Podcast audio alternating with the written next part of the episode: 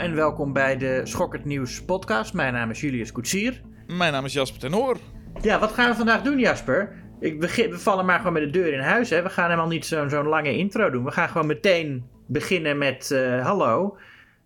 Ik, ik merk dat ik toch... Je, je wil dan toch een beetje een introductie hè, voordat je begint. Dat is met een podcast zo raar. Je, hebt, je wil meteen beginnen met het onderwerp, maar dan denk je toch weer... Nou, we, we horen van tevoren nog het een en ander te zeggen. Dat is wat verhalenvertellers doen, langzaam opbouwen. Ja, naar uh, de, de, de, de climax. En ja, onze climax wordt dan dat aan het einde van deze aflevering, ik, ik zeg het toch maar, zullen we 20, een top 20 beste, grootste, belangrijkste, meest iconische horroracteurs hebben. Ja, en dat gaan we doen volgens de, de zoals wij een tijd geleden ook een top 50 hebben gemaakt van uh, de beste horrorfilms. Wat wij in ieder geval de beste horrorfilms vonden. Dit is een systeem wat ik heb afgekeken van de podcast Screen Drafts. Is nog steeds iets wat ik iedereen kan aanbevelen. Wij hebben allebei onze persoonlijke favoriete horroracteurs verzameld. Ik weet niet jullie keuzes en jij weet mijn keuzes niet. Nee. En we noemen straks om de beurt eentje die op de lijst geplaatst wordt. Dus het wordt straks een mengelmoes van zowel jouw smaak als mijn smaak. En mogelijk zit er wat in uh, wat we allebei vinden. Ja. Um, en uh, uiteindelijk hebben we allebei ook één veto kunnen we uitspreken. Wat betekent dat uh, we een naam, nou ja, tegen kunnen houden. Ofwel, ja, te ofwel tegenhouden met ik wil deze persoon er niet op hebben. En dan mag de ander die naam niet meer noemen. Maar je kan ook een veto uitspreken omdat je vindt dat de persoon hoger moet. Want we gaan natuurlijk niet 10 of 20 uh, willekeurige volgorde namen noemen. We gaan wel proberen te rangschikken, toch? Ja, um, ik, het viel mij op bij het maken van mijn persoonlijke lijst. Dat, ik, uh, dat er heel veel mannen op staan. We doen net als, net als het Gouden Kalf. Hè, doen we mannen en vrouwen uh, uh, allebei als, als acteurs. Ja. Maar het viel mij dus op dat, dat, er, dat er toch heel veel mannen op mijn lijst stonden. Mm -hmm. Terwijl het horrorgenre toch meer dan ieder ander genre vrouwen in de hoofdrol heeft. En ja, dus mij is het het enige genre waarbij vrouwen vaker in beeld zijn dan, uh, dan mannen. Ja. Maar ja, toch vaak in, ja, in, in de rol van uh, dan wel de heldin of de scream queen... of natuurlijk iemand die uh, vermoord wordt. En het zijn vaak ja, toch mannen die de interessantere, namelijk de schurkenrollen hebben. De monsters of de tragische monsters... Ja. of de gekke geleerden of nou ja, noem ze allemaal maar op. Ja, wat mij opgevallen is, is de mensen van vroeger, dan waren het bijna allemaal mannen. Maar als ik ze van vandaag de dag kijk, kom ik voornamelijk op vrouwen. Ja. Uh, en een ander ding wat je wel moet zeggen, wat ik in ieder geval merkte, is je hebt natuurlijk wat is een horroracteur. Dat is een Ja. raar begrip ook. Nou ja. En je ja. kunt dus, uh, nou ja, kijken naar, is dat iemand die een, is dat een goed acteur die in een horrorfilm heeft gespeeld? Of is dat een acteur die vooral bekend staat vanwege het horrorgenre? Dus een beetje het hele idee, ga je voor kwantiteit of kwaliteit? Ja. Um, is ook nog wel een, heb ik ook nog wel. Ik heb af en toe wel eens dat je denkt: nee, dit is zo'n goede rol. Maar ja, is het dan.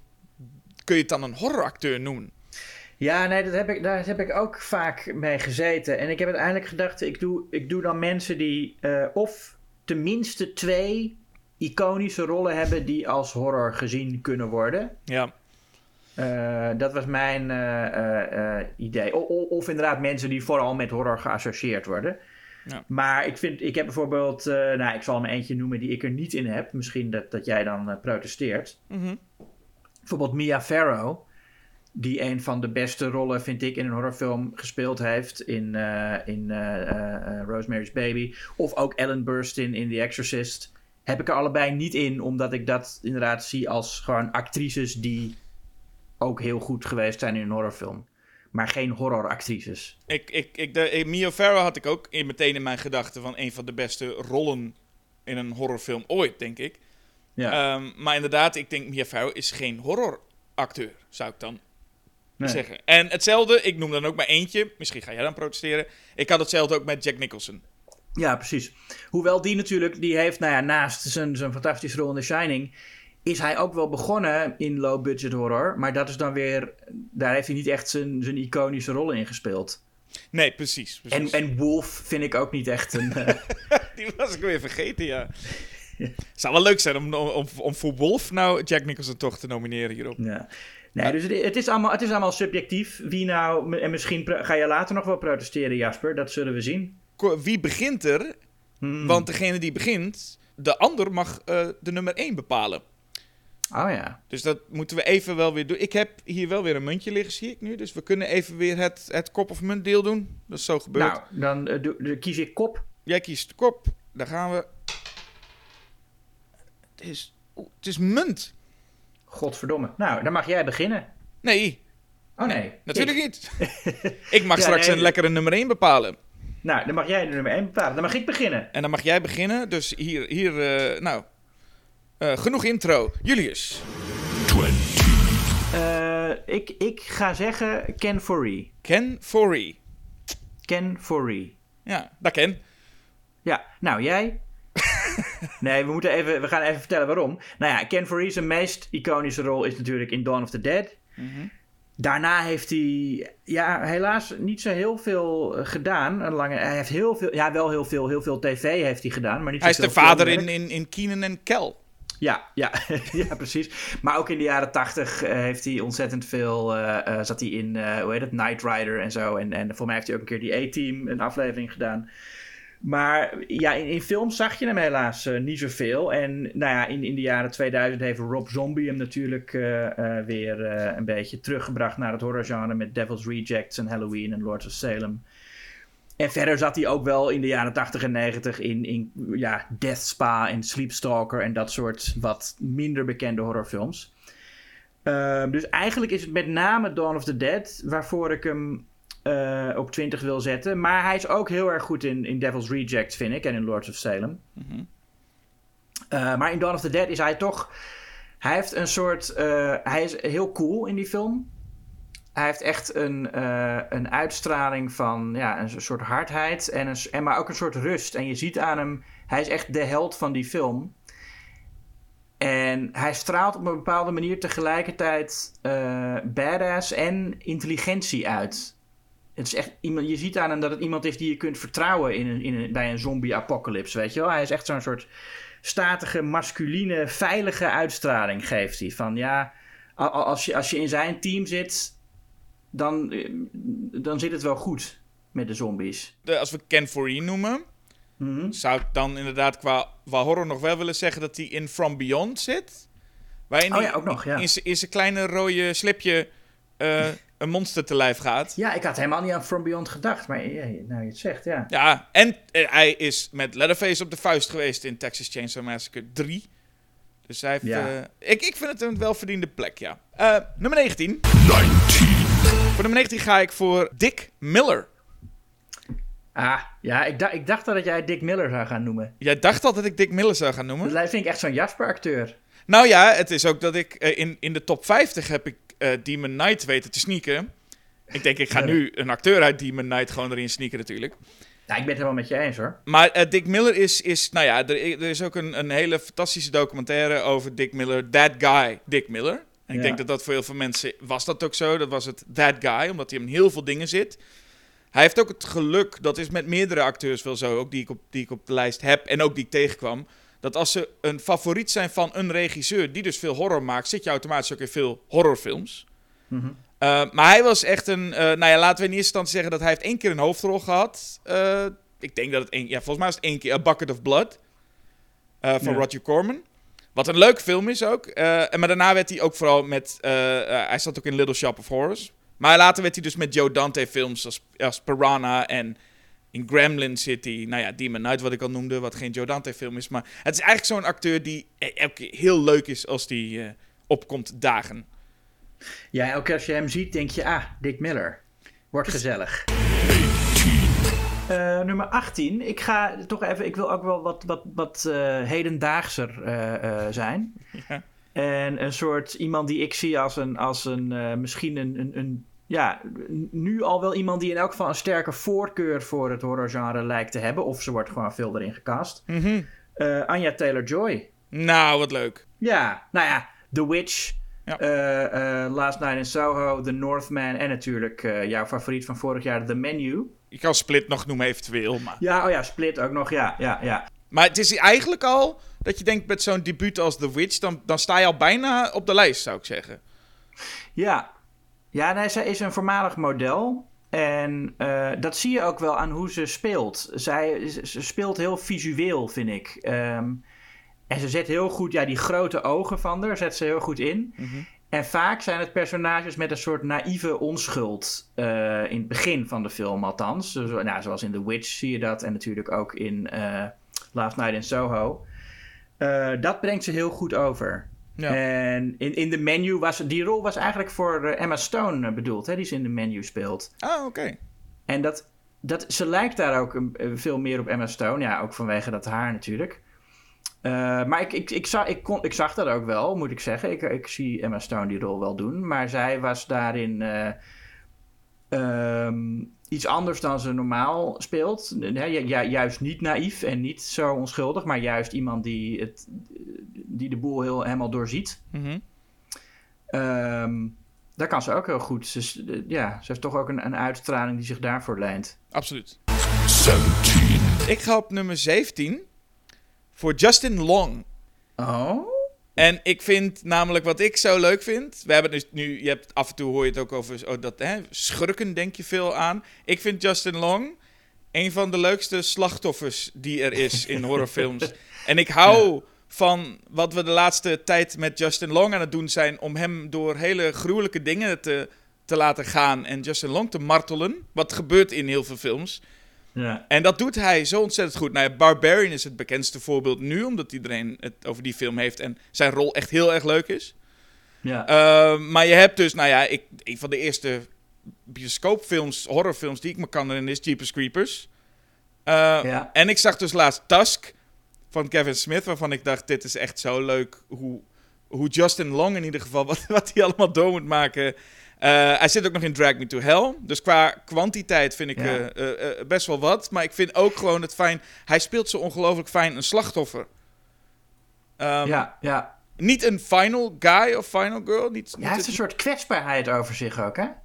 Ja, en dat staat er natuurlijk ook al in. Ik bedoel, dat is dan totaal niet horror, maar dat zit ook dat hij in dodgeball altijd de lul is en helemaal toegetakeld ja. wordt. Maar dat zit dus ook in die horror. Hij maakt leuke keuzes daarin ook. In die uh, PC en Mac reclames was hij juist altijd de coole Mac. Ja, hij is ooit een keer cool geweest, hè, Justin Long, ja. Ja, dan zei hij, hi, I'm a Mac. En dan was uh, John Hodgman de PC. nou ja, mensen van onze generatie herinneren zich die spotjes nog wel. Mm -hmm. uh, maar inderdaad, dat, ik, ik, denk, ik moet bij hem altijd denken aan het laatste shot. Of nou, misschien niet het laatste, maar zijn laatste shot in Drag Me to Hell. Ja. Dat hij kijkt hoe zij uh, door in, in, in, die, in, die in dat treinspoor uh, gesleept wordt. En dan heeft hij ook, hij krijgt ook tranen in zijn ogen. Dat zie je niet zo vaak bij in horrorfilms.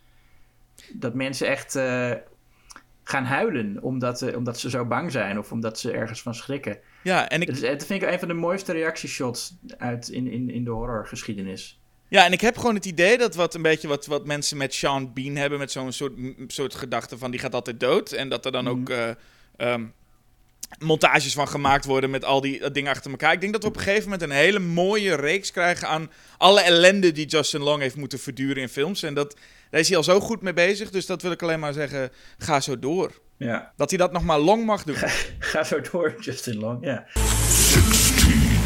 Nou, ik heb Angelica Houston. En dat is een, uh, een, uh, een opvallende keuze, want zij wordt helemaal niet zo met horror geassocieerd. Nee. Maar ik vind toch, nou ja, ik had mijn regel twee iconische rollen die je horror zou kunnen noemen. Ja. En dat heeft ze, ja, in, in, in The Witches en als Morticia Adams. Dat is wel waar, ja. Ik zat ook inderdaad te denken, waar is je tweede? Maar ja, ik, ja eens. Nou ja, in The Witches is het natuurlijk fantastisch. Een van de beste camp-schurken uh, aller tijden. Uh, uh, angstaanjagend als je klein bent, maar ook heel fascinerend. Ik wilde als kind heel graag ook de opperheks zijn. En ik verkleedde me als haar. En uh, dat zou nu uh, allemaal. Uh, zouden mensen mij van wokeheid beschuldigen. Of mijn ouders dat ze dat toelieten. Maar toen was dat nog heel normaal. Um, en in de Adams Family is ze natuurlijk. Ja, dat, maar dat is. Zij maakt. die Morticia veel sexier dan ze in de serie was. Wat in de sitcom. Dat kon, was allemaal een beetje onderhuids, die, die, die seksuele spanning. Maar zij maakt dat veel explicieter in haar rol. Zo is het natuurlijk ook geschreven. Maar echt een. eh, en dat is wel leuk. De Adams Family is natuurlijk een sitcom-gezin. Dat wat vrij uniek is voor de sitcom-gezinnen. heel functioneel is. Ze, zijn, ze hebben eigenlijk nooit ruzie. Ze spreken heel vaak hun liefde voor elkaar uit. Het is een veel gezelliger gezin dan eh, alle andere sitcom-gezinnen. En eh, ja, ze, zij en Raoul Julia in die film zijn zo'n sexy koppel. Dat, dat, dat is nou echt iets, als je dat ziet, dan denk je ja. Zo ziet een perfecte relatie eruit, volgens mij. Mhm, ja. Mooie keuze ook wel. En ook net als in onze top 50 toch een manier om de Witches erin te, te krijgen. Ja? Dat is gewoon Ja. het doel vanaf nu. Elke, wat we ook maar ooit gaan doen, de Witches komt daar ook in. En ik ga voor Mia Goth. ah, ja. Fijn. voor nummer eh, 15. En dat heeft te maken met, eh, mede ook door een film die nog niet uit is. Maar ze heeft natuurlijk die fantastische Ty West trilogie. Mhm. En ik, ik zeg nu al dat het een fantastische trilogie is, terwijl we Maxine nog niet hebben kunnen zien. Maar haar rol in X en met name haar rol in Pearl Ja. is, is, is fenomenaal. En daarbij vind ik haar ook nog eens een keertje in de, in de meest memorabele scène uit eh, de remake van Suspiria zitten. Ja, zeker. Ja, zij is ook wel een beetje de, de, de, de weird indie film eh, girl waar alle eh 15-jarige cinefielen verliefd op gaan worden. Hè? Ja, ik denk het wel. 14. Nou, ik ga er dan maar eens een echt eh, een, een klassiek horror-icoon in gooien. Eh, Christopher Lee. Christopher Lee, Ja. dat is op zich nog niet eens zo heel hoog. Nee, en nou ja, ik wil. Ja, nee, dat, dat klopt. Misschien zou die hoger moeten. Eh, ik ga het ja. niet doen, dus ik laat hem staan. Ja, nee, ja, nee, ja ik, ik zet hem ook. Hij is wel. Ik zet hem wel lager dan de andere klassiekers, omdat ik hem. eh, niet echt de beste Dracula vind, moet ik zeggen. Mhm. Eh, maar. Nou, ik vind hem wel. We waren, geloof ik, in onze Dracula-aflevering ook niet heel positief over zijn Dracula. Tenminste, omdat hij gewoon een beetje een, een normale man is. Als, tenminste, in die eerste Dracula-films Ja. film. In de, eh, wa- eh, en dat, dat, als hij zo, heb je de, de, de iconische scène waar Dracula de trap afkomt en zich voorstelt. Ja, dat, ja. En wij snappen allebei volgens mij niet waarom die scène zo iconisch is. ja, dat is toch, dat, dan komt hij naar beneden en je denkt aan eh eh Bela Lugosi vooral. En dan Mhm. komt hij en dan zegt hij, hallo, I'm Dracula. Ja, precies. En dan komt hij weer een beetje van die trap af eh, en dan denk je, ja, dat is gewoon een man. Dat is gewoon een man. Maar wat hij wel, wat Lugosi niet deed en hij wel, is natuurlijk het toevoegen van de, de beestachtigheid van Dracula. Hmm. En hem echt als roofdier spelen in de scènes waarin hij op jacht is. En dat, dat vind ik wel een mooi, eh, dat is natuurlijk een mooi contrast. Dat je eerst die compleet normale man hebt gezien. Maar dat hij dan s'nachts, als hij echt op, op jacht gaat, opeens echt een, een seksueel roofdier is. Ook de, de seks zat er bij Bela Lugosi ook nog helemaal niet in. Mhm. En in het boek trouwens ook niet echt. Het is wel, het is natuurlijk wel allemaal een beetje onderhuids van seksueel gevaar van zo'n vampier. Maar bij Lee werd, dat, werd hij ook echt verleidelijk. En werd het ook echt dat de vrouwen ook ehm, er wel een beetje van konden genieten als ze door hem eh, eh, gebeten werden. Ja. En dat zie je, nou, dat zie je in de eerste Dracula, maar ook in, in, in, in zijn tweede Dracula-film, Dracula Prince of Darkness, heeft hij ook helemaal geen tekst. En is hij alleen maar het roofdier. En daar vind ik hem eigenlijk nog beter dan in, in de eerste. Mhm. Maar nog bij, hij heeft natuurlijk veel meer gedaan dan Dracula. Hij was ook de eerste, het eerste monster van Frankenstein, van Hammer. En dat, dat, was, dat vind ik misschien ook wel eh, een van zijn beste rollen. Daarin zegt hij natuurlijk ook niks. En die rol was toen natuurlijk bekend van Karloff. En Karloff had er heel veel tragiek in gestopt. Maar Lee doet dat helemaal niet. Hij maakt hem echt een, een puur walgelijk wezen. En ook niet per se eh, kwaadaardig. Hij weet niet echt wat hij doet. Maar als je hem ziet... En je ziet hem zo lopen. Dat, dat, en het was zijn, zijn allereerste filmrol. En je ziet die grote, lange figuur. Met, met natuurlijk een beetje de weerzinwekkende make-up. Maar daar moet je ook doorheen kunnen spelen. Ehm, ik geloof dat Guillermo del Toro ook zei... dat was de eerste keer dat hij het monster van Frankenstein zag... als something that should not be. Echt als een monster. Hmm. Ja. Ehm, ja. En, en daarnaast heeft hij natuurlijk ook nou, een heel mooie, memorabele, eh, superkorte rol in Midnight... of niet in Midnight Meter, in, in De- eh, Deathline, Deathline, ja. En laten Ja. we de Wicker Man vooral niet vergeten. Ja, dat vond hij ook een van zijn beste rollen. De Wicker Man als, eh, als eh, leider van die religieuze cultus. En, en hij, wat hij een van zijn minste rollen vond, was in The Howling 2. Maar Ja. dat is toch een film die in de top 50 beste horrorfilms aller tijden is gekomen, Julius. Dus dat is, moet wel iets zeggen. Ja. Ja, nou goed. En hij, wat, hij, wat hij natuurlijk in al die rollen inzet, is, is die prachtige, diepe stem van hem. Ja. Eh, of nou, ik zeg niet, niet, als Frankenstein, maar dan eh, zet hij zijn, zijn lengte vooral in om, om intimiderend te zijn. ja. Op nummer 13. Dit is Tom Atkins. En- Ook al zo'n typische Jasper-acteur. Kijk, Christopher Lee heeft dus status. En zo. Maar Tom Atkins heeft dus snor. En soms ook niet trouwens. In The Fog heeft hij geen snor. Mm. Eh, maar dat maakt niet uit, want of Tom Atkins nou een snor heeft of niet. Hij krijgt de coole one-liners en hij krijgt de dames. Mm. Want in Halloween 3 gaat hij meteen naar bed met iemand. In, in, in, in The Fog heeft hij ook volgens mij Jamie Lee Curtis zo aan de haak geslagen. Ja. Ehm, hij speelt een soort van, van politieagenten. Ook Night of the Creeps is een hele leuke rol van hem. Met Ja. een, een van de leukste one-liners uit de, de horrorgeschiedenis, denk ik wel. En in- hij zit ook in Maniac Cop. Ehm, het zijn allemaal hele eh, wat, wat komischere rollen. Het is ook gewoon ja, een beetje Dick Miller-achtig. Iedere keer leuk als je hem ziet. Maar ik vind het zo'n, ook zo'n bijzondere leading man. Hij is zo cool. En toch lijkt hij gewoon op je oom. ja. Eh, Jamie Lee Curtis. Aha. Nou ja, want dat is ook iemand. En de reden dat ik, dat, dat ik haar met Tom Atkins associeer is niet alleen omdat ze natuurlijk allebei in de Fog zitten. Maar ook omdat zij ook zo normaal is. Eh, zo naturel. Hè? In, in Halloween. Zij is niet.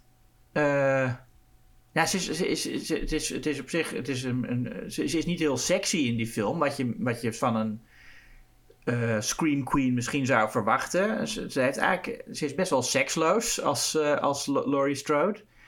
En ook in, in, in Terror Train en in Prom Night. Ehm, waar ze trouwens ook nog wel. Dat was nog wel een ding met haar. Dat zij. Zat ermee dat ze niet echt seksappeal had. En dat ze ook niet echt werd gecast in rollen die dat van haar eh, vroegen. Misschien eigenlijk het omgekeerde van wat andere actrices zouden hebben. Van oh, ze willen me weer in een film stoppen waar ik een naaktscène heb of zo. Dat had zij eh, aan het begin van haar carrière helemaal niet. Later natuurlijk begon dat wel. Maar eh, in die horrorfilm was zij altijd gewoon een heel, ja, maar gewoon een heel normaal meisje. Echt een, zoals je buurmeisje. Maar toch heel sterk en memorabel gespeeld altijd. En ja, ook echt wel een, een, een sterke eh, heldin die ook een soort kracht uitstraalt in, in de eerste Halloween. En natuurlijk in, in, de, in, de, in de laatste Halloween, eh, de, zeg maar de, de sequel trilogy die we de afgelopen jaren gezien hebben. Waar zij toch wel erg goed eh, die doorleefde versie van Laurie speelt. Die, ja, die, die, die aanvankelijke kluizenaar die de hele wereld eh, eh, heeft, eh, heeft hoe noem je dat? Buitengesloten. Dat doorleefde, dat, dat speelt ze ook heel mooi daar, vind ik. En, en ja, waarschijnlijk wel de bekendste Final Girl. Ik weet niet of ze kreeg ook de naam Scream Queen volgens mij, omdat haar schreeuw ook echt legendarisch is. Ja. denk ik, dat nou echt in, zat het nou echt in de eerste Halloween ook? Nou, ze schreeuwt wel. Eh, ja, ze, nou, ja, ze schreeuwt wel eens in die film. Maar In mijn, in mijn herinnering jammert ze veel meer in die film. Ja, ja. Ik ga ook nog één Final Girl toevoegen. En dat is Samara Weaving. Ah, Eh, Samara Weaving die zit in de nieuwste Scream, die we allemaal nog niet gezien hebben, Scream 6. Maar ze zit ook in eh The Babysitter 1 en 2. Ash vs. Evil Dead komt ze voorbij. Maar vooral haar rol, hoofdrol in Ready or Not, is ze ontzettend goed. Ja. Ik was al fan van haar, om, op mijn, en dat is iets minder horror. Het is een beetje horror, maar meer actiehorror in eh, Mayhem van Joe Lynch. Waar ik ook haar ontzettend leuk... Zij durft echt leuke, gekke types eh, neer te zetten. Kiest ook die rollen. En Guns Akimbo, ook geen horror, maar vond ik haar ook heel leuk. Ze is echt een beetje een gekke actieheldin en goede final girl. Nou, Dus ik denk, ik gun haar deze plek op nummer 11. daar zal ze blij mee zijn. ik hoop het. Op 11 zitten we nu, hè? We zitten op 11. We, we zijn in de top 10 beland. Zullen we even kort... Ik zal even kort even een recap doen. Oké. Wat we nu hebben voor lijst, jongen. Dat is eh, op nummer 20 Ken Foree. Nummer 19 Dick Miller. Nummer 18 Anna Taylor-Joy. 17 Justin Long. 16 Angelica Houston. 15 Mia Goth. 14 Christopher Lee. 13 Tom Atkins. 12 J- Jamie Lee Curtis. En op 11 Samara Weaving. Goh, Dat zou toch je gastenlijst zijn? nou, dat is een, eh, ja, een leuke dinnerparty inderdaad. Ja, vind ik wel. Vind ik Eh, wel. of etentje. Ik moet minder Engels gebruiken. Ja, op, op 10 eh, Barbara Staal. Barbara Steele. Barbara Steele. Ja.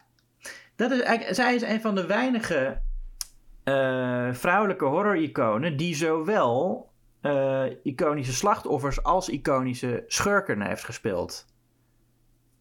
Dat is wel bijzonder. Zij is zowel een, een echte Scream Queen als een, eh, een, eh, een, eh slechterik.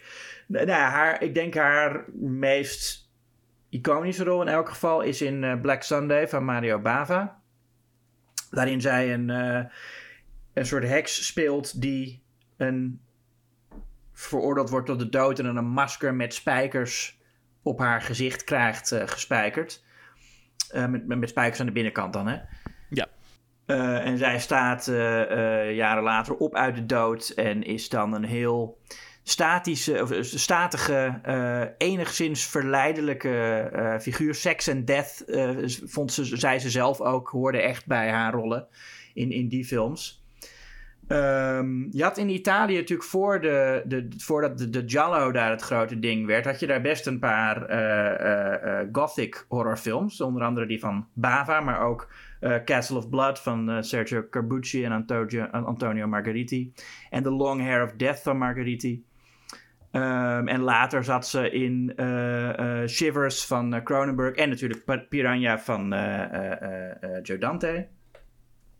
Eh, Pit and the Pendulum van Roger Corman is een, eh, is een eh, beroemde rol van haar als slachtoffer. Waarin ook de onthulling van haar eh, lijk heel iconisch is. Maar dat is gewoon een pop. Dat is, dat, dat, dat, is zij dan niet. Eh, maar zij is wel, ja, zij heeft ook een heel bijzondere uitstraling. Die haar, ik vind haar als, als schurk erg goed.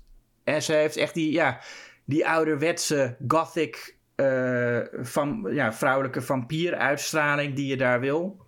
Eh, ook wel, nou, net zoals Angelica Houston in The Witches is eigenlijk, ik, ja, ik vind Barbara Steele in, in, eh, in Black Sunday daar wel een soort voorloper van.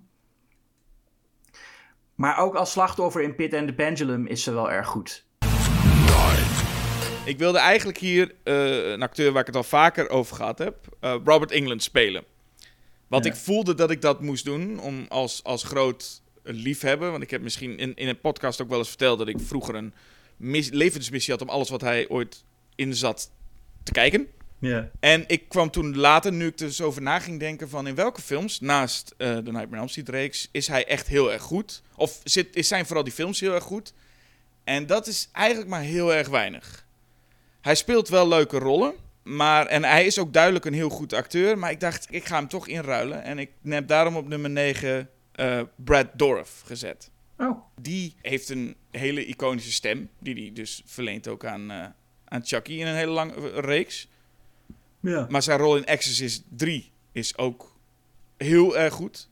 Ja. Rob Zombie heeft eh, ook Brad Dourif gebruikt in zijn Halloween films. En ik vind Ja. niet veel goed aan die Rob Zombie Halloween films. Maar het moment dat alle momenten met eh, eh, Brad Dourif als de sheriff Mhm. zijn wel echt heel sterk. En er is zelfs het moment dat zijn dochter ook doodgaat in deel 2, waarbij hij dan reageert, dat ik echt denk, wow, dit, is, dit, dit speelt hij echt wel heel sterk. Ja, ja, zeker. En Ja. verder gewoon leuke, leuke, geinige rollen in films als, weet ik veel, Alien Resurrection en Critters 4. Dus hij zit in lekker veel pulp ook wel.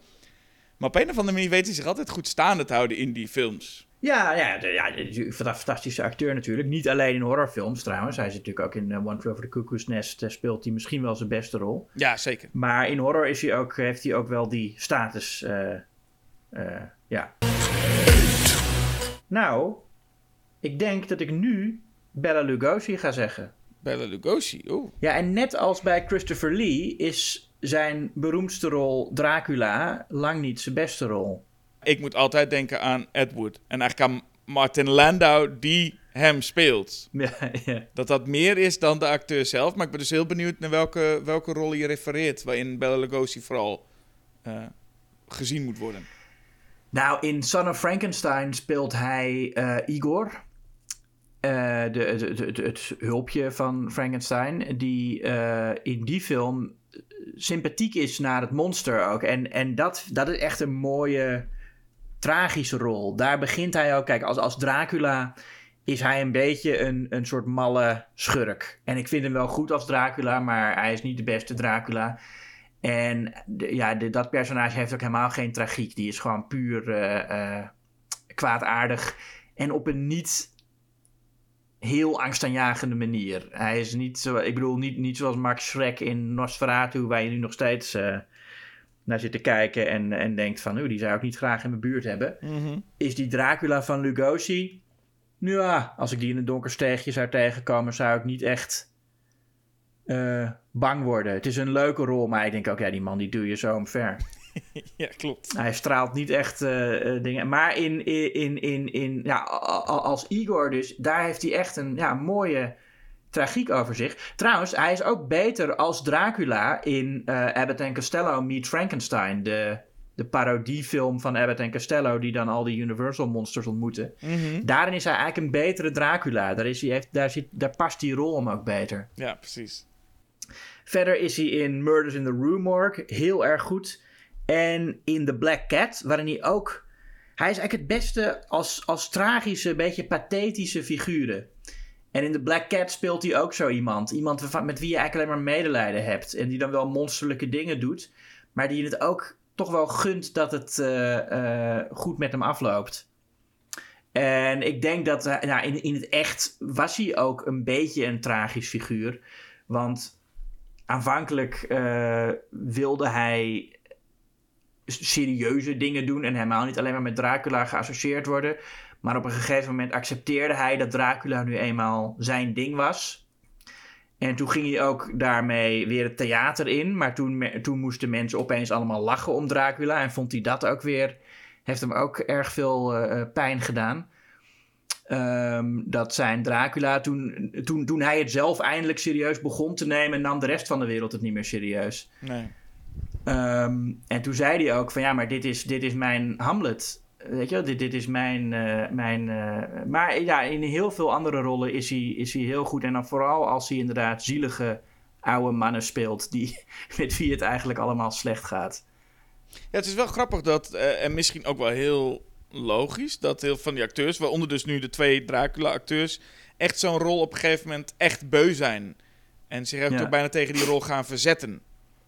Ja, nee, Christopher Lee wilde ook... Hij wilde, na de eerste Dracula deed hij eigenlijk alleen nog maar mee met die andere Dracula-films. Omdat eh, ze hem echt overgehaald hebben door te zeggen... Ja, maar de hele crew is er weer. En, en, en die wil, je die, wil je die niet weer zien en met hun samenwerken? Zij willen heel graag weer met jou samenwerken. En dan deed hij van, nou, oké, dat is toch wel leuk met die mensen.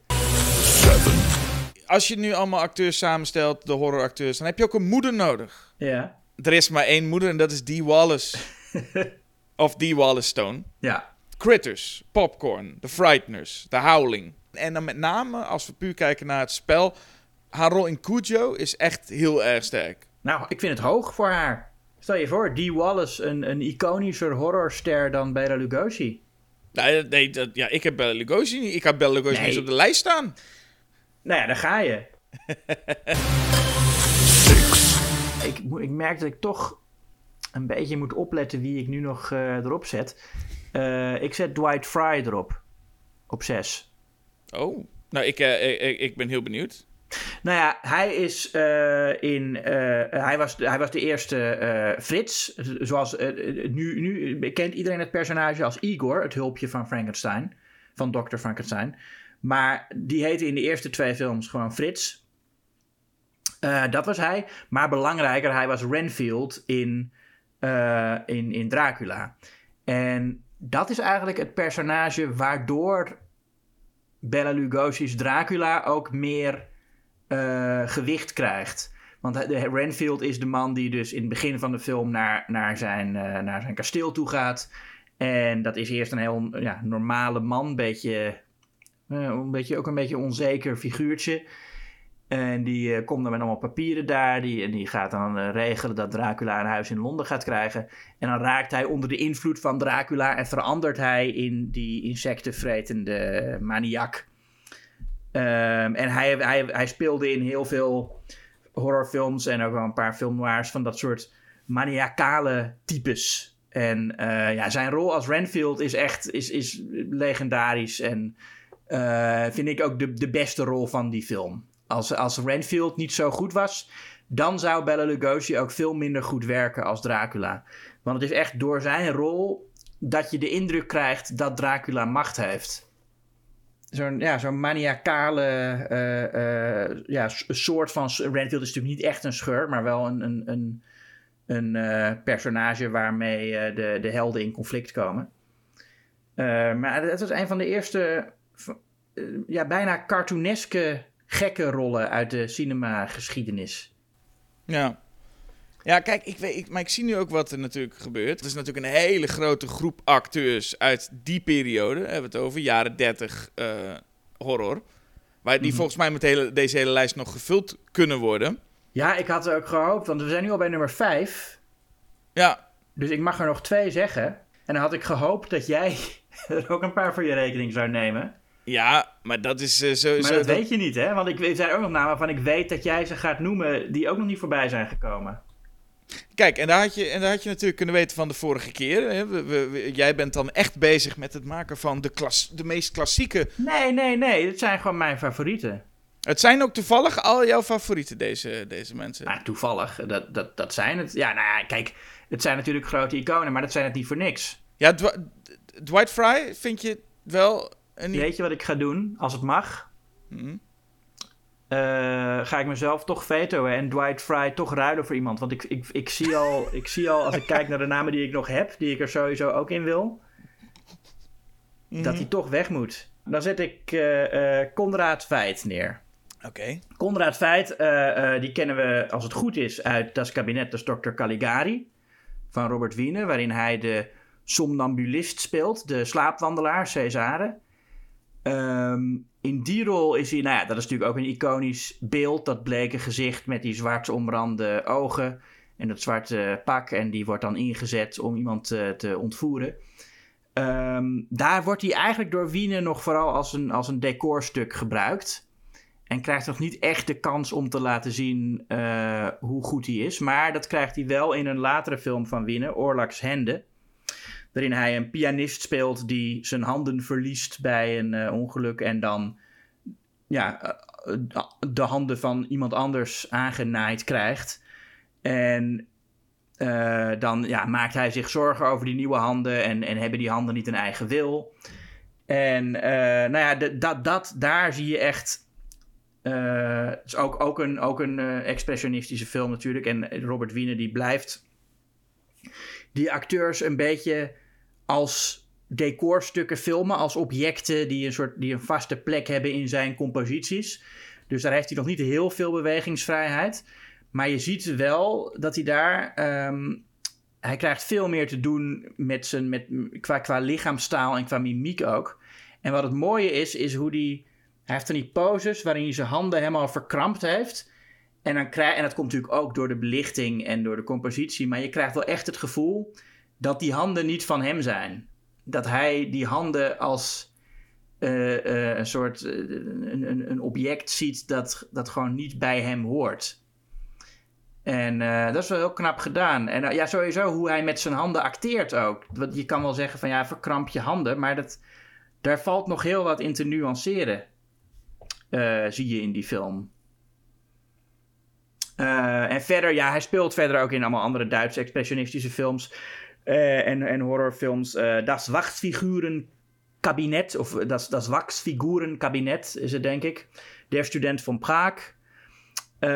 En natuurlijk ook van Paul Leni, net zoals het, het, het Wassenbeeldenkabinet, is The Man Who Laughs, een Amerikaanse film van de Duitse regisseur Paul Leni.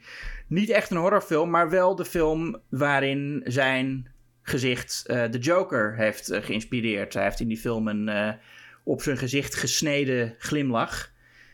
En uh, dat was uh, de inspiratie voor. Was het Bill Finger of Bob Camp? Nou ja, voor de, de, de, degene die de Joker heeft, van, van Batman heeft, heeft voor het eerst heeft getekend. Nou, je zegt inderdaad geen... Het is inderdaad niet echt een horrorfilm, maar het beeld aan zich is wel heel eng, vind ik, Ja. van The Man Who Laughs. ja, nou, Conrad Veit, ja. Ja, wat, wat een bijzondere, bijzondere keuze ineens, moet ik zeggen trouwens. Nou, een van de eerste echte horror-iconen. Ja. Ik zit echt even te twijfelen wat ik nou zou doen. Ik heb een paar namen waarvan ik zeker weet dat, dit, eh, dat, het- dat het een veto op komst is, bijna. Oh, En ik heb eentje waar ik heel lang over twijfel. En ik heb eentje wat eigenlijk gewoon dus de veilige keuze is. nou, laat horen. Ja, wat moet ik laten horen dan? Nou, wat je wil. Volg je hart, Jasper. Doe wat je hart je ingeeft. Oké, ik ga nu, dan ga ik voor de niet veilige eh, optie. Maar het is ook, dan ga ik voor eh, Tim Curry. Oh? Dat is bijna een soort protest. Omdat ik vind eigenlijk als mensen zouden zeggen... ja, maar dat vind ik niet echt een horroracteur... zou ik bijna willen zeggen... en dat vind ik heel bizar eigenlijk. Want hoezo... wat we bij het Jericho Houston al even aanstipten... hoezo zit deze man niet in veel meer horrorfilms? Hmm. Het, heeft, iets- het is bijna iets magisch, zou ik willen zeggen, wat deze, deze man heeft. En ik zag, eh, om een voorbeeld te geven, ik zag eh, onlangs de, de best wel leuke documentaire over eh, It, de miniserie. Ja. En toen, het, het is heel naar om, om Tim Curry nu te zien praten, omdat hij natuurlijk zo, hij heeft een soort beroerte gehad, waarbij hij dan in een rolstoel zit en heel slecht uit zijn woorden komt en eigenlijk bijna geen emotie meer op zijn gezicht heeft. En dan te bedenken hoe hij, wat hij met zijn gezicht kon. Hmm. En we zeggen allemaal wel van Jim Carrey met zijn, zijn rubberen gezicht, maar we kennen allemaal misschien ook wel het beeld uit Home Alone 2, waarin hij zo'n grin- Grinch-lach opzet. Ja. En het grappige vind ik, als je kijkt naar wat hij heeft gedaan met eh, Pennywise, dat is uit een, een, een, een televisie-miniserie uit de jaren 90. Maar hij staat op, qua figuur, wat hij daar neerzet, staat hij gelijk aan, wat mij betreft, alle horror-iconen van de jaren 80. Of ja, Ja, de 70. zeker, ja. En dat, vind, is, dat is bijzonder knap voor een paar minuten in beeld te zijn. En het is niet alsof er allemaal CGI of zelfs eh, vervorming... want zelfs eh, eh, Robert England kreeg een stemvervorming voor Freddy. Maar hij, dit is echt Tim Curry volledig zelf. Hij heeft een rode neus. Ja, ja nee, en hij heeft ook die make-up natuurlijk, met het grote hoofd van hem. Nou, er, maar dat is het hele ding. Want dat zie je in de documentaire, wordt het ook gezegd... dat ze hadden eigenlijk een make-up bedacht... waarin die helemaal omgebouwd werd. En toen ze, hij had ook gezegd, nee, dat wil ik niet. Ik wil vooral mezelf zijn. Dus hij heeft een hoger voorhoofd gekregen... maar het gezicht is volledig hem. Dat zou eigenlijk Ja. niet dus. Eigenlijk zou die helemaal omgebouwd worden. Nee, maar dat werkt heel goed met zijn gezicht. Maar het is, het is vooral zijn stem die het eh, zo bijzonder maakt, die rol. Dat hij, hij vindt op de een of andere manier een combinatie tussen een grappige clownstem en een horrorschurkenstem. Die ook als hij heel eh, dreigend eh, spreekt tot de kinderen, Mhm.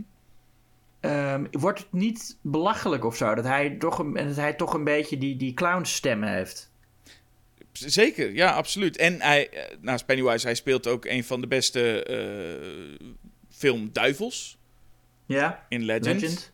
Eh, wel met, met die enorme make-up dat hij eigenlijk onherkenbaar is. Maar, Mm.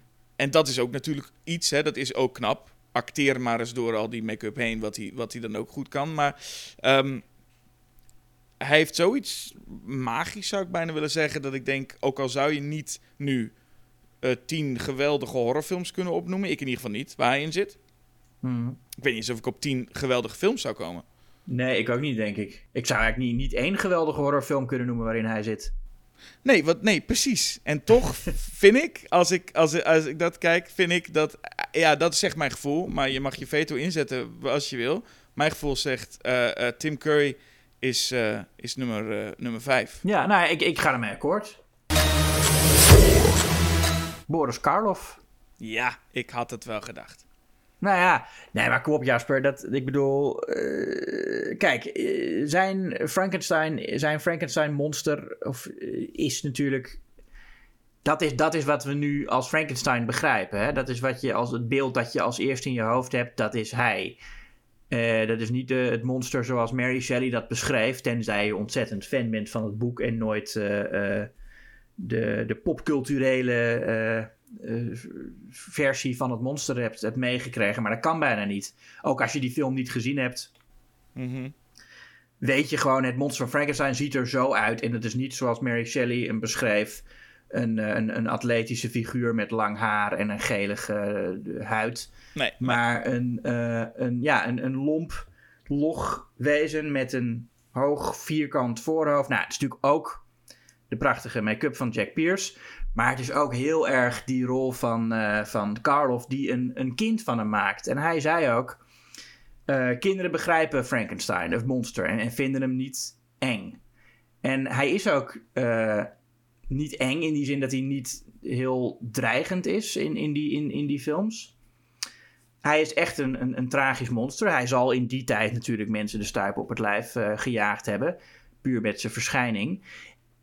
En het is ook wel, kijk, je wil hem ook natuurlijk niet tegenkomen, want je weet niet wat hij gaat doen. Hij is, niet, hij is onbetrouwbaar, weet je wel. Hij, hij flikkert een meisje in het, in het water en alsof het een bloemetje is. Doet hij uit onschuld, uh, uit, onwetendheid, maar het is toch een gevaarlijk uh, wezen. Um, en wat hij ja, in, in Bride of Frankenstein kan hij opeens praten. Of kan hij, ja, heeft, hij, heeft hij een paar woordjes geleerd en aan het einde zelfs zinnen. En krijgt hij ook wat meer intelligentie. En aan het einde van de film zegt hij zelfs: We belong dead. En weet hij dat hij een monster is dat eigenlijk niet zou mogen bestaan. Wat ook een heel tragisch besef is. Um, en hij weet dat toch, dat, dat, dat die intelligentie die het monster dan toch gekregen heeft.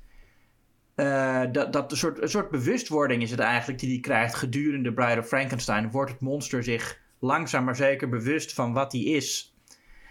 En uh, dat speelt hij zo mooi. Hij, hij blijft het, het naïeve wezen, maar ook die. Uh, hij wordt eigenlijk nog tragischer als hij intelligenter wordt en dat begrijpt. Nou, dat is het monster. Maar daarnaast heeft hij toch natuurlijk veel meer uh, horrorrollen gespeeld. Ik vind hem ook erg goed in The Mummy als Imhotep. Een heel, best wel een, een, een sexy mummy is hij. Je hebt ook de mummy gezien, toch? Ja, dat heb ik gezien, ja. Hij heeft wel echt, je, volgens mij hebben wij allebei ook over die film gezegd dat het zo raar is dat de, de vrouwelijke hoofdpersoon in die film uiteindelijk niet voor hem valt, maar voor een saaie non-mummy figuur. Oh, maar dat is ja, dat heeft deels met hem te maken en deels met hoe saai die andere uh, uh, ja. vent is, zeg. Ja. Dat is onvoorstelbaar. Maar nee, tuurlijk, het heeft ook echt te maken met dat je meteen, je weet meteen waar je voor kiest. Dan kies je voor Karloff. Ja, hij is ook heel goed in The Black Cat, waar hij uh, de echte schurk speelt. Um, ja, mensen kennen hem natuurlijk vooral als het monster van Frankenstein, waarin hij nauwelijks iets zegt. Maar als je hem in The Black Cat ziet, dan hoor je ook dat hij echt een heel goede, diepe stem heeft. Net zoals Christopher Lee kan hij echt goed een charismatische, statige bad guy spelen. Ik moet meteen aan Old Dark House ook denken. Oh ja, ja waar hij uh, de inspiratie voor, uh, voor Lurch van die Adams Family is. Ja. Ja. Uh, en hij uh, is de, de uh, vertel- en zangstem in How the Grinch Stole Christmas. Wat geen horrorfilm is, maar is ook, een, ook wel een iconische rol van hem. Is dat de tweede referentie naar de Grinch in deze, ja. deze aflevering? Hallo. Ja, en Black Sabbath, hè? Black Sabbath is hij heel goed. Ja, The Raven, ook een, een, waar ook Lugosi in zit als, als bad guy. Ook wel een goede rol van Lugosi trouwens. Donald Pleasance. Oh, oh jee. Yeah. Oh, oh jee? Nee, oké, okay, oké, okay, oké, okay, oké. En dan niet om zijn hele Halloween-reeks. Waar die wel heel leuk is trouwens. Ik vind Donald Pleasance in de Halloween-reeks uh, uh, uh, heel goed. vooral hoe gekker die wordt. Want mm. dat is wat een beetje met, met Sam Loomis in, in Halloween gebeurt. En ik vind vooral als hij steeds iets gekker wordt. En, en Donald Pleasance... Ik, ik, ik miste hem ook. In, in de latere Halloween-films waar hij niet in zit, mis je hem op een of andere manier. Um, maar het is vooral, we hebben het in, in een podcast ook besproken, zijn rol in Deathline. Is, ja. is, is, is, is fantastisch. Beste rol wat mij betreft. Uh, als een soort van, van echt een hele sarcastische politie-inspecteur. En daarnaast heeft hij een, een, een veelvuldige samenwerking met, met John Carpenter. Waar hij bijvoorbeeld een hele leuke rol had in, in Prince of Darkness. Ja. En hij zat ook in uh, Phenomena. Uh, nou, het is een behoorlijk mooi rijtje. Ja, From Beyond the Grave, die we onlangs besproken hebben. Ja, zeker, waar hij ook een, dus een hele goede rol in speelt. Echt een erg geestig... Uh, hij, hij, is wel goed in, in working class figuren ook. In, in Deathline en in uh, From Beyond the Grave. Dat, dat zijn ook wel zijn... Daar is hij het beste in, vind ik. En, en de meest iconische James Bond schurk ooit. Blofeld, ja. Uh, het beeld wat je hebt bij Blofeld is, is Donald Pleasance. Nou, dat weet ik eigenlijk niet. Was hij, de, hij was niet de eerste, toch? Ik weet eigenlijk bijna niks van James Bond. Nee, hij was niet de eerste, maar hij was, er was eerst was er eentje met, een, uh, met, met, met gewoon een hand. Oh ja. Ja, en, en wat, wat, wat mij betreft een, uh, een, een, een, een veelzijdigere acteur dan je eigenlijk zou denken. Godsamme, zeg. Wie, wie, oh, er zijn er gewoon ook twee namen waarvan het schandalig is dat ze er waarschijnlijk niet in komen. Maar uh, ik ga op twee zetten Peter Cushing. Dat had ik wel heel erg verwacht. ja. ja, nou ja, Peter Cushing, eh, hij nam alles zo serieus. En dat zie je in zijn rollen, wat hij ook speelt. Kijk, Christopher Lee was op een gegeven moment die horror zat. En dat zie je ook in sommige van zijn rollen, dat hij er niet echt voor gaat. Maar uh, Peter Cushing ging er altijd voor. Hij, en hij was ook echt, uh, hij, hij wilde het ook echt allemaal heel goed doen. Hij, toen hij bijvoorbeeld Frankenstein speelde, uh, de, de dokter. Um, toen, ging je, toen is hij ook echt met hersenchirurgen gaan praten van hoe doe je dat nou, zo'n, uh, zoiets. En, en het kan dan wel niet echt, maar hoe zou je dat doen? Zo'n hersentransplantatie. En hij had ook altijd gewoon de echte, de, de, de, de, hoe noem je dat, de gereedschappen die je dan nodig zou hebben, droeg hij ook bij zich. In, ook als dat helemaal niet in beeld kwam of zo, had hij dat gewoon in zijn zak zitten. En hij, en hij, zei, hij stond er ook op dat het allemaal zeg maar, medisch correct kon. Hij zei, ja, als er één dokter in het, in het publiek zit die ziet dat ik iets doe wat een dokter niet zou doen, dan is die hele film voor hem verpest. Alsof een dokter dan zou zeggen, nou, zo, zo wek je niet een, een, een monster tot leven. Maar dat nam hij heel serieus en dat zie je ook echt. Hij speelt dat gewoon alsof, hij, alsof het, uh, alsof het een, een, een volkomen realistische uh, uh, situatie is. En met heel veel uh, uh, ja, dramatische. Uh, hij zit ook in, in, in die. Zelfs de, de laatste Dracula-film waar hij in zit. Um, The Legend of the Seven Golden Vampires. Dat is eentje waar Christopher Lee al niet meer mee wilde doen. Dat is, ja, Kung Fu zit er dan ook in, want dat is in die tijd ook hip. En dan gaan ze naar China en dan gaan ze daar allemaal Kung Fu vampiers. En dat is geen goede film. Maar Peter Cushing tilt die film naar een hoger niveau. Want hoe slecht die film ook is, hij is altijd even goed. En het valt ook nog meer op in slechtere films, waardoor je de indruk krijgt dat hij in slechte films op zijn best is. Um, hij is heel goed als, nou ja, als, als de held Van Helsing. En ja, hoewel het een beetje een, een, een magere man is die in die film ook al oud is, speelt hij echt nog een goede, actieve, fitte held daar.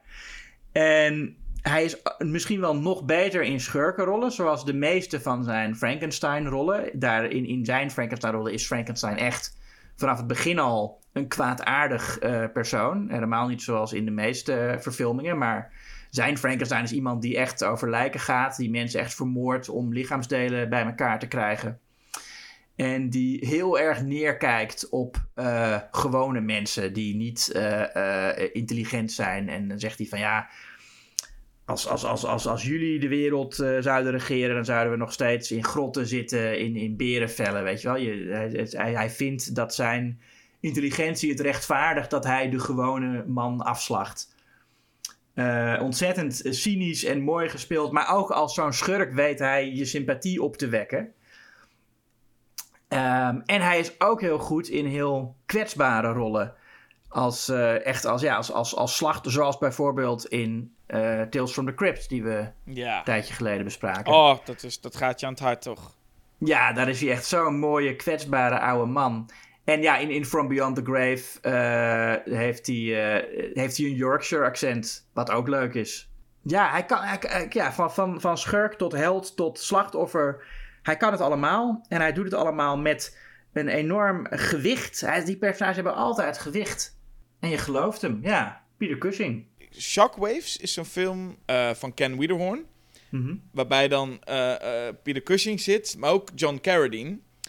En nou is volgens mij John Carradine was een stuk ouder al, maar dan zie je ook, zie je ook wel een soort van het verschil. Met een John Carradine die volgens mij echt gewoon niet meer weet wat hij allemaal doen is. En, gewoon zegt, en dat je echt bij Ja. Peter Cushing nog ziet, zelfs in zo'n film, hij, hij, hij doet inderdaad nog moeite, wat jij zegt. Hij Ja. maakt niet uit waar hij in zit. Hij, ehm, het zal altijd goed zijn. ja. Ik mag nummer 1 bepalen. En jij weet Aha. het al, denk ik. Ik heb een, een, een heel sterk vermoeden. Ja, dat denk ik ook, ja. Eh, de link is, eh, is, is, is in ieder geval vrij snel te leggen. Peter Cushing, die zat in een film, hè? Ja. In 1972, in een film eh, getiteld Dr. Vibe, Rises Again. Ah. Oh, het is niet wie ik vermoedde. Oké. Wie is Dr. Vibes? Vincent Price. Ja. Er zijn weinig mensen waar zoveel, zoveel klassen van afstraalt als van, eh, van Vincent Price. Tegelijkertijd ehm, vind ik het zo fijn aan hem dat hij het toch niet helemaal serieus neemt. Eh, zijn beste rollen zijn in ieder geval wat mij betreft ook eh Dr. Vibes, die ik eerder noemde. Dan wel de eerste film. Ehm, House of Wax is heel leuk. House on Haunted Hill. The Fly. Nou, daar zitten echt wel wat mooie titels tussen. Ik, ik weet niet, het is heel bijzonder hoe, wat voor een ongelooflijke sympathieke schurk hij eigenlijk kan zijn. Ja, ja dat, eh, want hij is eigenlijk, hij is ergens natuurlijk heel karikaturaal. Wat hij ook van zichzelf al heeft met die lijzige stem van hem. Ja. Ehm, maar on, eh, ho- hoewel hij zo eh, best wel een beetje een, een karikatuur van een schurk lijkt, kan hij ook heel sympathiek zijn. Ja. Nou ja, heeft er natuurlijk ook mee te maken dat zijn slachtoffers niet sympathiek zijn. Het is ook moeilijk te omschrijven wat hij heeft. Wat, wat, ehm, Nou ja, dat is het. Dat, daarom is dat zo. Hij heeft, hij heeft iets wat moeilijk te omschrijven is, omdat hij volkomen uniek is. Hij is een, een, een intimiderende schurk met een soort raar klein man, stem van een raar klein mannetje eigenlijk. Ja, en je hebt bij, bij heel veel acteurs heb je ook het gevoel van... Oké, eh, eh, Boris Karloff is het monster van Frankenstein. Eh Peter Cushing is Van Helsing. eh, Donald, je hebt bij heel veel mensen heb je gewoon dat je ook wel een personage erbij kan plakken. Hmm. Die is Dracula, die is... Maar Vincent Price is Vincent Price. Ja, Dat is wat je ja vooral ziet. precies. Ja, nee, hij is zelf het, het icoon inderdaad. Dat is wel bijzonder. Dat, hij, ik, hij zat ook een keer in een Muppet Show. En toen zei Kermit van... eh, hey, in al die films ben je altijd een vampier. Hoe doe je dat nou? En dan, maar dat, dat is dus helemaal niet zo. Vincent Price is, is, hij heeft nooit een vampier gespeeld. Maar je associeert hem gewoon met...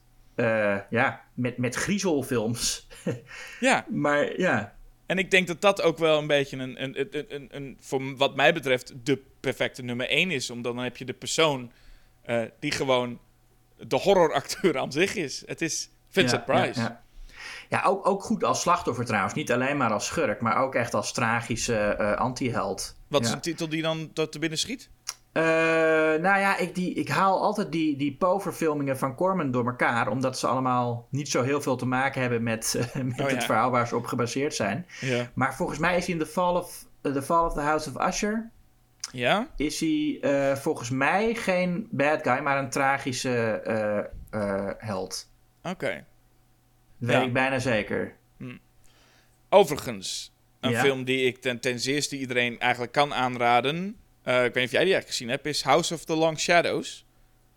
Nee, heb ik niet gezien. Oké, want als je House of the Young Shadows bekijkt, heb je een deel van onze lijst gewoon zitten. Want dan heb je Vincent Price, Christopher Lee en Peter Cushing bij elkaar. Met ook John Carradine. Maar dat is dan een film in de jaren tachtig. Dus zijn ze allemaal eh, al eh, flink op leeftijd.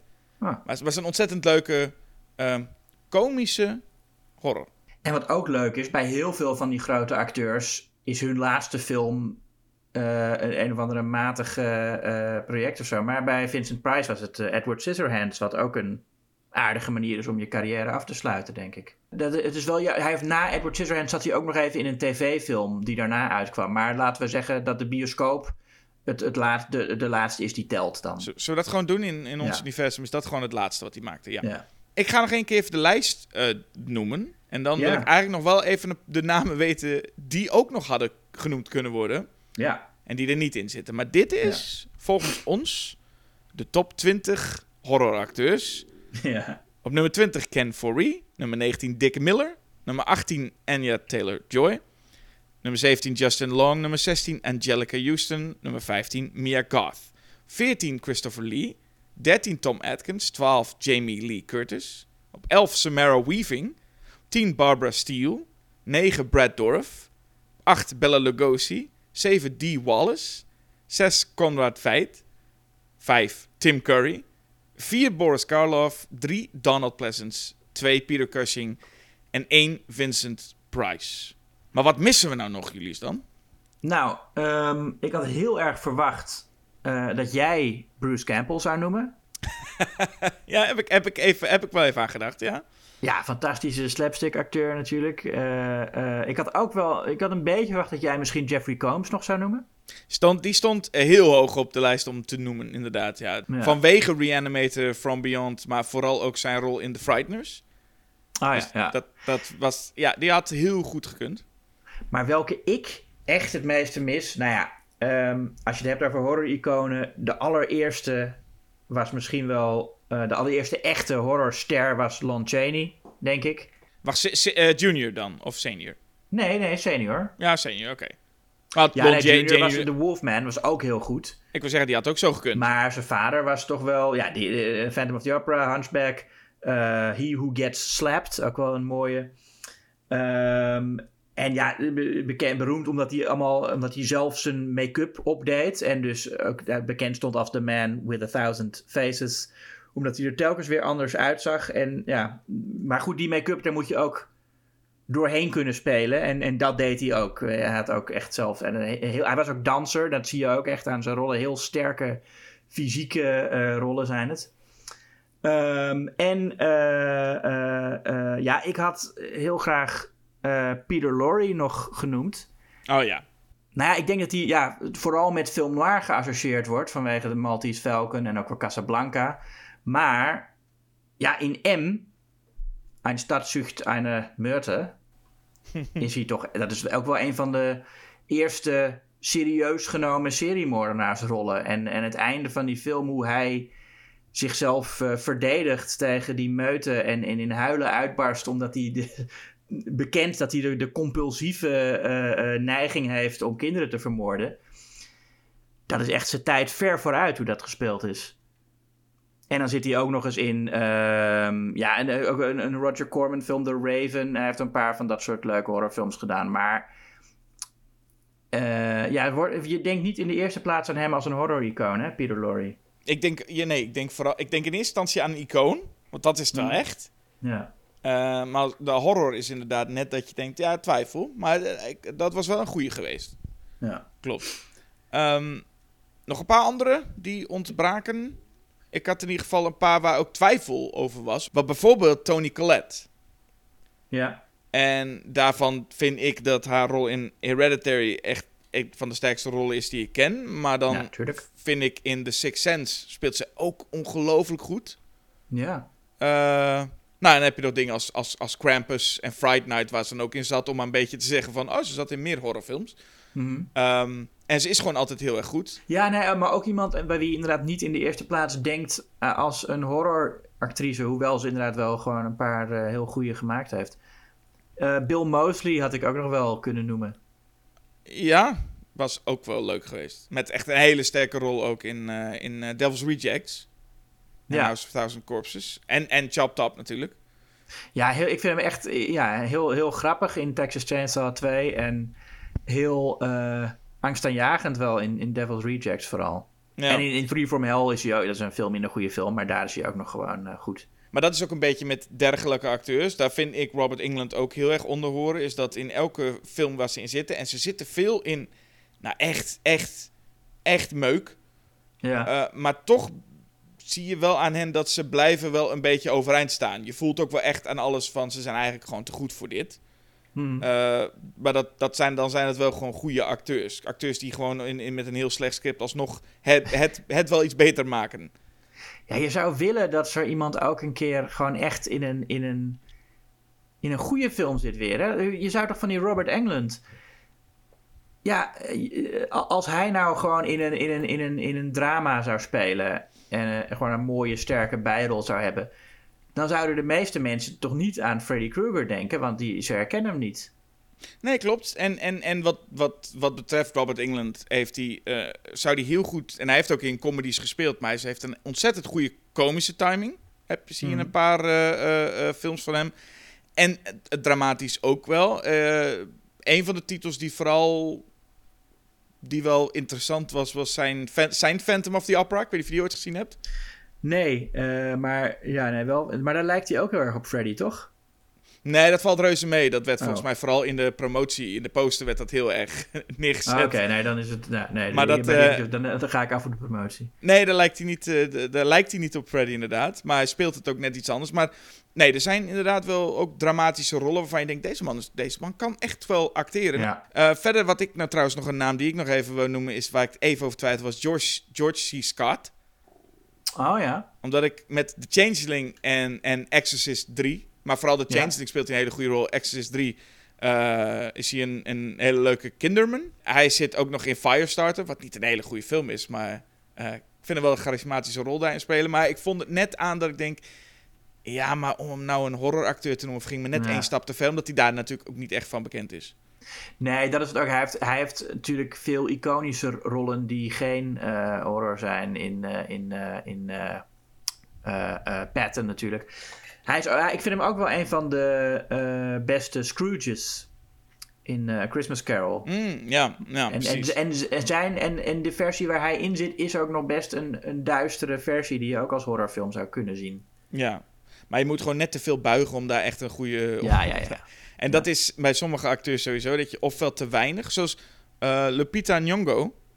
Ja. Dacht ik met Us en Little Monsters, wat ze toen even had, dacht ik van... Ah, en zeker met Us zo'n rol ja, het best gekund, maar ik kwam niet verder dan die twee. Ja, Daniel Kaluuya, hetzelfde verhaal. Hè? Ook, ook twee uh, Jordan Peele films, waarin die allebei erg goed is, vind ik. Ja, zeker. Dus dat, uh, en, en, en wat dacht je? Misschien was dat nog wat voor jou. Ernest uh, Thesiger. Ja, ja, ja, ja. Uit Bride of Frankenstein. En Old Dark House. En Old Dark House, inderdaad. Ja, ja, die had ik ook kunnen noemen, zeg. Ja, jeetje. Ja. Dat vond ik nou net... Die had ik namelijk eigenlijk op mijn lijst staan met de acteur die wat mij betreft... die, die beide films bijna eigenlijk wel de show steelt. Ja, zeker. Ja, ook, ook wel. Ja, ook jammer dat die er niet in staat. Barbara Shelley had ik ook nog kunnen noemen. Uh, The Queen of Hammer. Uh, in, in mhm. The Gorgon. En ook uh, Prince of Darkness en Quatermass and the Pit. Um, altijd, ja, gewoon een, een van de sterkste actrices die Hammer had. Hammer had natuurlijk heel veel actrices die vooral mooi moesten zijn. En Barbara Shelley was wel de meest uh, die, die ook echt een dramatisch interessant personage wist neer te zetten. Ook als het script daar niet per se om vroeg. Kijk, en dan heb ik nog één laatste. Ja. een van mijn favoriete kleine bijrol actors. En dat is George Buckflower. Die, weet je wie ik bedoel? Nee. Is de, is de, als je ooit een dronken zwerver zoekt, dan is dat wie je krijgt. Hij speelt heel veel in John Carpenter films. They Live is een van zijn bekendste rollen, denk ik. Um, maar hij zit in, in, in Pumpkinhead, Maniac Cop, Waxwork 2. Uh, uh, hij zit in ontiegelijk veel. En dat is, dat is echt een acteur waarvan ik iedere keer als ik hem zie, denk ik... Ik ben zo altijd zo blij om George Buck Flower te zien. Ik, ik, had, nee, ik had nooit van hem gehoord. George Buck Flower. Goed, hoe dan ook. Ik ben blij dat ik hem nog even genoemd heb. Ja. Um, oh, ik had er ook nog eentje waarvan ik ook nog... Ja, sorry, ik moet toch nu... Dat is de laatste naam op het lijstje dat ik had. Uh, Isabella Adjani, uh, voor met name haar fantastische rol in Possession, heeft daarnaast ook nog wel in een paar horrorachtige films gespeeld, maar vond ik ook niet, uh, niet horror genoeg. Maar toch goed om even genoemd te hebben. Ja, ja, ja, ja, ja precies. Nee, ja, nou, zij zit ook in die Nosferatu-film. Ja, ook, ja. Ja, ja daar, daarom. En The Tenant. Dus ja, nee, ze heeft best wel wat horror gedaan ook, ja. Maar ik, ik ben wel content met deze lijst, hoor. Ja, het is een lijstje waar je mee thuis kunt komen. Ja, dat ga ik ook doen. Ik ben ook wel weer benieuwd wat de luisteraar denkt. Ja, wie mis jij, luisteraar? Vind jij per se dat wij Nev Campbell erin hadden moeten zetten? Skeet Ulrich, natuurlijk. Hey. Ik had trouwens wel, ik ging ook online even zoeken. Ik dacht, ik ga toch even wat inspiratie opdoen. Ik ga eens kijken wat er online gezegd wordt als je best horror actors invult. En ik mhm. was verbaasd over hoe vaak bijvoorbeeld Kane Hodder erin voorkomt. Ja, en, en alle acteurs die zeg maar, en ik, ik wil hier meteen wel zeggen, um, met een masker op acteren is echt acteren. Dat is echt, daar moet je echt wat voor kunnen hoor, daar niet van. Ja, zeker. En ja, Kane Hodder, weet je, hij wordt altijd gezien als de Jason. En ik snap gewoon niet zo goed waarom. Hij doet het vanaf deel 7 pas. Dus hij zit ook in de, de wat minder goede Friday the 13th films eh, vanaf dat moment. Hè. Ik bedoel, Jason Takes Manhattan, Jason Goes to Hell worden toch niet als de beste gezien. En Jason X is dan wel populair. Maar het is ook niet mijn favoriete. Ja ik hou helemaal niet van de, de Terminator Jason, zeg maar. Ik heb liever de, de deel 4 uh, Jason. Mhm. Of zelfs de deel 2 Jason, die nog gewoon een, een gast is die in zijn ballen trapt en dat hij dan even. uh, nog Die van zijn stoeltje aflikkert. Ja. ja. Uh, vind ik eigenlijk vind ik een veel. Ik, de, de perfecte Jason is voor mij. Het is zeg maar deel 4 Jason. Die nog wel. Het is een beetje van. Oké, hij is moeilijk dood te krijgen. Maar het is nog wel gewoon een vent. Mm -hmm. En de zombie Jason is niet mijn. Uh, maar ik bedoel, natuurlijk, Kane Hodder doet dat leuk. Doet dat gewoon heel goed. Maar wat mij dan opvalt is dat ook. Ik zag ook wel ergens in sommige lijsten. Uh, Richard Brooker voorbij komen. Die speelt Jason in deel 3. Deel 3, ja. Um, maar nog nooit. En er zijn echt meerdere die dat noemen, hè? En ik zelf kan ook wel beamen dat bijvoorbeeld Derek Mears speelt in, uh, in, in de remake. En dat vind ik ook goed. Die speelt oh, ja. het ook goed. Maar het grappige is, ik, ik, ik heb nergens een lijst gezien waar één van de acteurs die Michael Myers speelt ge ge gezegd wordt. Wat ja, gek is dat? Wat is het toch dat Jason Voorhees wordt gezien als van... Ja, hij is wel echt een goed acteur. Wat een fijn acteur. en Michael Myers, ja, dat kan iedereen... Iedere lul met een overal kan dat spelen. nou ja, Jason... Ja, die... Kijk, die, die is wat agressiever natuurlijk ook. Zeker in die latere films. Hij is echt een, ja, een, monster met een, met een soort... Hij, hij moordt gerichter en agressiever en ja... Ja. En van, ook misschien van Michael Myers mag je eigenlijk helemaal niet zien dat daar een persoon achter zit. Dus juist... Nee als je de persoon erachter kwijtraakt, doen ze het heel goed. Ja. Dus eigenlijk jammer dat Nick Castle niet op deze lijst is gekomen. Dat wil ik eigenlijk maar zeggen. Ja, ja, ja. Goed, luisteraar, het, is nu, het woord is nu aan jullie. Beste horroracteur, zeg het maar. Ja, noem ze op en we horen het wel. Ja. Volgende week, of niet voor over twee weken, is er weer een Julius versus Jasper. Ja, dan gaan we onszelf uh, nog wat anders leuks aandoen. We gaan uh, de Goonies tegenover Hoek zetten. Ja, we gaan de nostalgie-tour op. Dat verkoopt zo goed. Oh ja, we gaan de nostalgie-tour op, Julius. Wat leuk, hè? Ja. Nou, oh. Goonies tegen Hoek. Ja, we vinden het allebei geen goede films. Dat kan ik wel alvast verklappen. Maar desalniettemin uh, uh, wordt het wel een leuke uh, aflevering... waarin ook wel warme gevoelens zullen geuit worden. Ook koude? ook, ook zeker koude, ja. ja. Maar goed, dus dat voor later. En voor nu is het vooral lees het blad Schokken Nieuws. Abonneer je op de podcast, zo je dat nog niet gedaan hebt. Precies. Maar, en ook, ook op het blad trouwens, dat weer in de winkels ligt.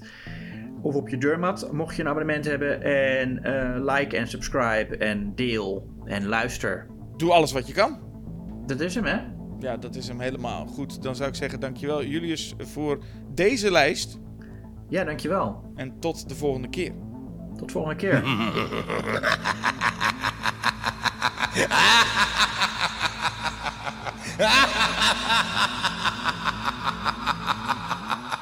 Ha ha ha.